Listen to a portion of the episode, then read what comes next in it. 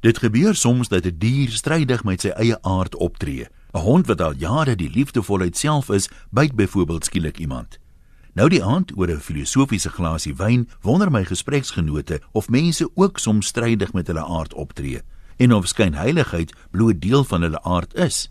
Dit is alledaags dat mense een ding sê en dan iets anders doen wat glad nie daarmee versoen kan word nie.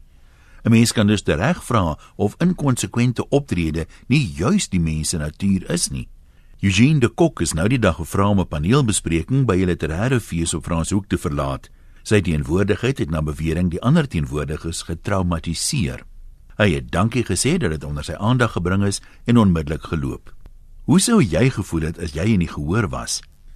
Ja, Eugene de Kok is 'n moordenaar wat van die wreedste goed denkbaar gedoen het. Maar terwyl baie van sy bondgenote en opdraggewers soos mis voor die son verdwyn het, het hy verantwoordelikheid vir sy dade aanvaar en alles moontlik gedoen om saam te werk, ook om die families van sy slagoffers te help om afsluiting te kry. Hy het sy straf uitgedien en is op parol vrygelaat omdat hy geen gevaar vir die samelewing inhou nie. Die doel van langtermyn gevangenisstraf is onder andere rehabilitasie sodat die oortreder weer 'n volwaardige lid van die gemeenskap kan word. Soos Madiba wat na 27 jaar tronkstraf president van sy land geword het en wêreldwyd gerespekteer is. Dit beteken nie jy hoef Eugene de Kok vir 'n braai te nooi nie, maar hoekom mag hy nie in die gehoor wees nie en dit nogal as gas van 'n uitgewer? As jy bang is om vermoor te word, is die kans baie groter dat een van die ander lede van die gehoor jou sal vermoor. Christene sit in die kerk en leer dat Jesus gesê het ons moet 70 maal 7 keer vergewe en ons bid in die onsse Vader dat God ons skulde moet vergewe soos ons ook ons skuldenaars vergewe. Wel, as hoe ons vergewe die maatstaf is, gaan bitter min van ons vergifnis ontvang.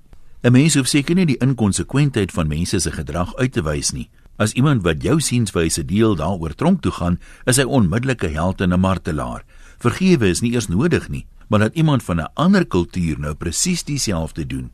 Wat moet Eugene de Kok dan doen? Hy's 'n vry man en hy kan nie net verdwyn nie. Dikwels sal daar ander mense in dieselfde omtrek as hy wees. Maak nie saak of dit 'n lesinglokaal, 'n restaurant of 'n kerk is nie.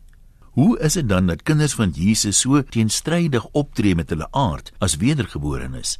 Of dink jy Jesus sou ook strydig met sy aard opgetree het as hy in jou skoene was? Groete van oor tot oor. Antoniem